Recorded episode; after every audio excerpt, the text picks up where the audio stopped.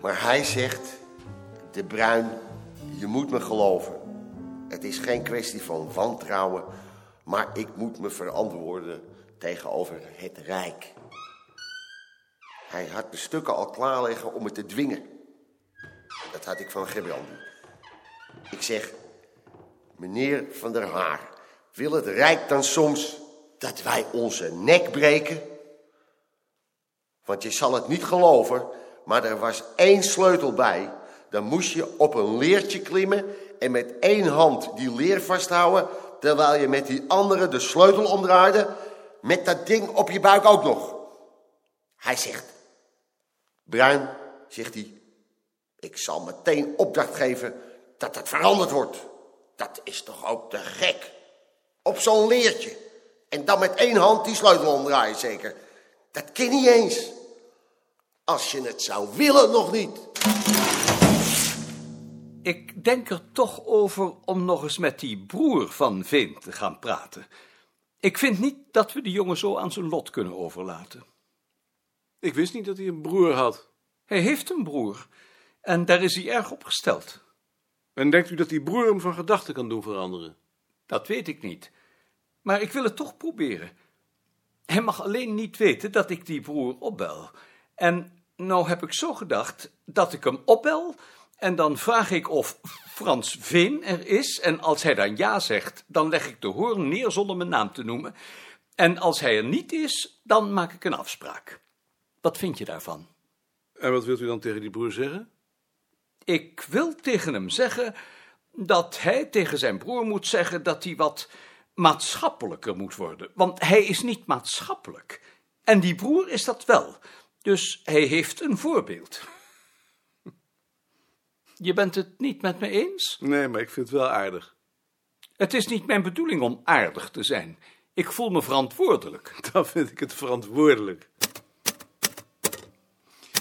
Hebt u de tentoonstelling over de Amsterdamse Joden in het historisch kabinet al gezien? Nee. Moet ik dat doen? Ja, het is een goede tentoonstelling. Hé, waarom zeg je dat nou? Ik heb helemaal geen zin om die tentoonstelling te bezoeken.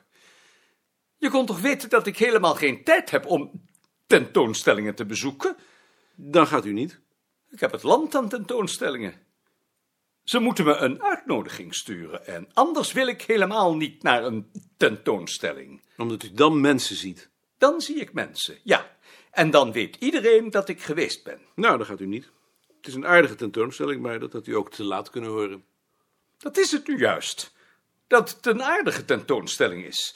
Dan zegt iedereen straks: Gunst, ben jij niet naar die tentoonstelling geweest? Die hoor jij toch gezien te hebben? Jij bent toch zo gesteld op Joden? Hé, vervelend nou. En het regent ook nog. Ik heb er niets geen zin in. Nou, tot straks. Ik heb mijn hele leven nog niet zo genoten.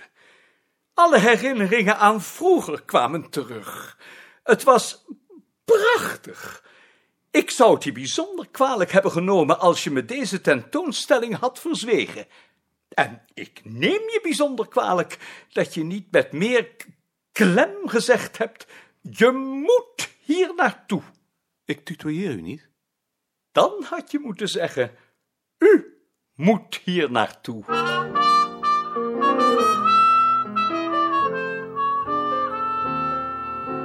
Blijf nog even staan. Alsof ik haar hond was.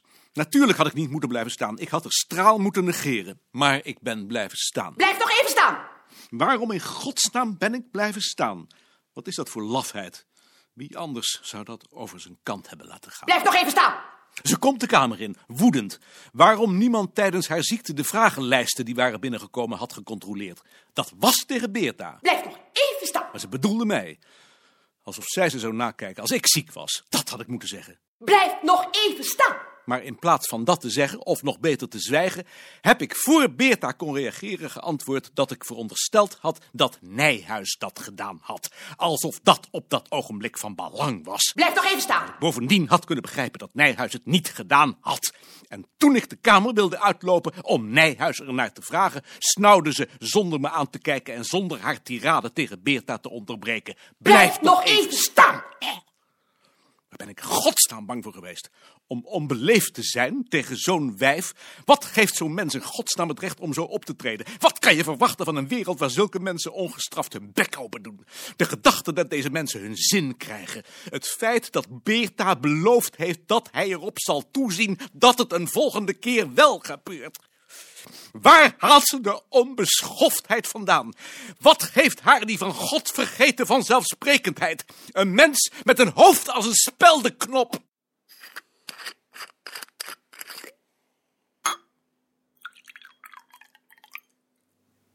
Vroeger kende ik geen angst. Toen we studeerden bedoel ik. Nu voel ik me vaak bedreigd. Dat hebben jullie niet? Bij mij is het eerder omgekeerd. Hoe verklaar je dat? Ik denk dat ik me beter op mijn plaats voel dan vroeger. Je bent gelukkig. Ja, eh, zak. Eh, Jij? Ben je ook gelukkig? Ja, hoor eens. Willen jullie nog wat kaas? Bij mij op het bureau is een jongen die heeft ontslag genomen omdat hij zich bedreigd voelt. Frans Veen. Frans Veen. Ik vond dat heel aardig. Hij is een keer hier geweest en ik vond hem heel aardig. Ik vond hem niet zo aardig als Nicolien, maar dat doet er nu niet toe. Ik heb tegen hem gezegd dat ik vind dat je niet moet vluchten, maar alleen weg moet gaan uit kracht. Kunnen jullie dat begrijpen of is dat onzin? Dat is... Waarom zou hij niet weggaan als hij zich bedreigd voelt? Omdat ik denk dat het dan steeds erger wordt. Nou, Dat zie ik niet in. Soms, niet altijd natuurlijk, maar soms voel ik me zo bedreigd dat ik de plaatsen waar ik me nog veilig voel zou kunnen uittekenen. Mijn huis, de smalle corridor tussen mijn huis en het bureau. Het bureau. Daarbuiten is het gevaar. Maar in het bureau is het al bijna onhoudbaar. Als ik in de kamer naast me juffrouw Haan hoor lachen of als de meest kloterige dingen, de wetenschap bijvoorbeeld, ernstig worden genomen, dan is mijn eerste reactie wegwezen. Net als Frans Veen. Maar als ik daaraan toe zou geven en me zou terugtrekken in mijn huis, dan is de volgende stap dat ik mijn huis niet meer uit durf. Is dat niet een beetje overdreven? Ik heb daarvan gedroomd. Ik droomde dat ik wakker werd. De buitendeur stond open. Het gordijn woei naar binnen. Tegen de achterkant van mijn bed stond een vreemde fiets met een tas met klompen aan het stuur. Op de grond lag oude rommel. Tegen het schot tussen het raam en de voordeur stond nog een fiets. Voor de deur stonden stoelen en ander huisraad opgestapeld. Het was nog donker. Nicolien was wakker geworden. Wat is er? vroeg ze slaperig. Ze hebben de deur geforceerd, antwoordde ik. Er staat rotzooi. Wat hindert dat nou? zei ze. Jij maakt je ook altijd zo druk. Ik was angstig, gespannen. Ik stond op om de deur dicht te doen. Hij was over de hele lengte kapot getrokken. De scharnieren zaten nog vast aan een splinter van ongeveer een halve decimeter. Ik sloot hem. Hoe mijn bovenbuurman binnenkwam, herinner ik me niet. Het was een stevige, gedrongen man met een rood hoofd. Hij trad agressief op. Ik was bang. U hebt de deur kapot gemaakt, zei ik. Ik kon er niet in, zei hij. En als ik om vier uur s'nachts thuis kom, maak ik korte metten. Ik moest de rotzooi ergens kwijt. Bovendien ligt mijn vrouw in het ziekenhuis. Zijn vrouw moest een kind krijgen. Kijk, zei ik. Als wij u helpen kunnen, doen we dat graag, maar ik zag dan toch liever dat u de boel niet vernielde. Oh ja, zei hij.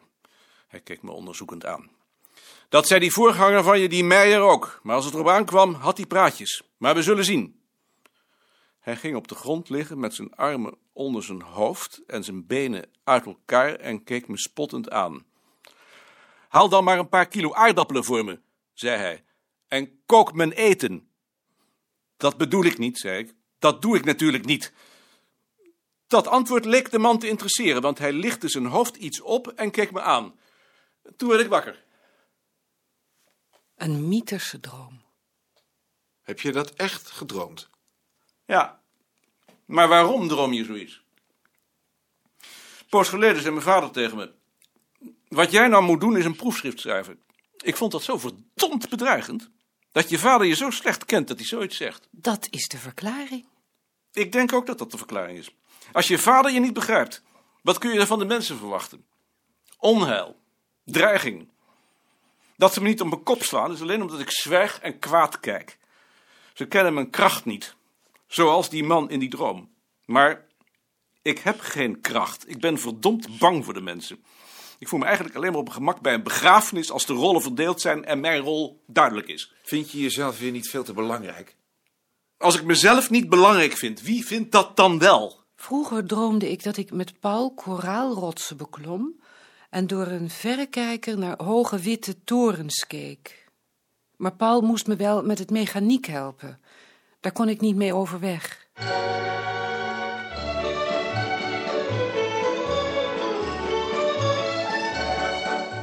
Huisvrouwen houden hun stand op.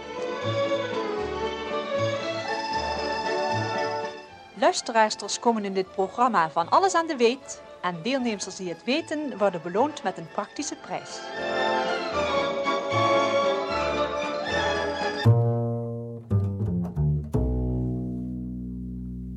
Mijn keuringsbrief is er. En? Ik mag nog niet naar binnen. Ik hoor zojuist dat Slofstra is afgekeurd. Waarom? Dat staat er niet bij, dat mag ik niet weten. Mag ik al binnenkomen? Nog even wachten, meneer Slofstra. Ik laat u wel roepen. Dank u wel. Dag heren. Wat nu? U zult het er moeten zeggen. Op zulke ogenblikken wou ik dat ik geen directeur was. En dat ze er nou geen reden bij geven. Misschien is dat nu juist de reden waarom wij hem aan willen nemen. Niet onmogelijk. Wat komt me dat u weer slecht uit? Net nu ik vanochtend op had willen schieten. Ik moet een heleboel brieven schrijven. Ik heb van alles te doen. Ik zou de knoop maar doorhakken, gebeuren moet het toch.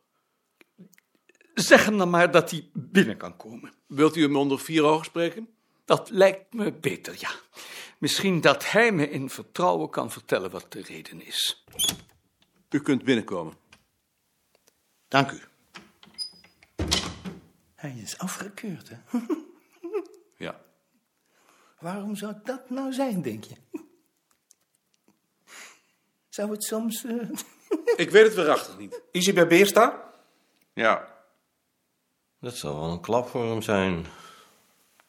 Hij praat er nergens anders meer over. Hij heeft het vast niet verwacht. En? Nijhuis? Wat stond er in de brief? Hij is afgekeurd. Dat zat erin. Volgens mij heeft hij ze niet alle vijf bij elkaar. Elke ochtend als ik hier aankom met mijn brommer, staat hij al voor de deur. Dat is toch niet normaal? Zo'n man moet zich laten nakijken. Koffie, meneer Balk. Dank je. Geef mij mijn koffie ook maar hier, Bruin. Kan gebeuren.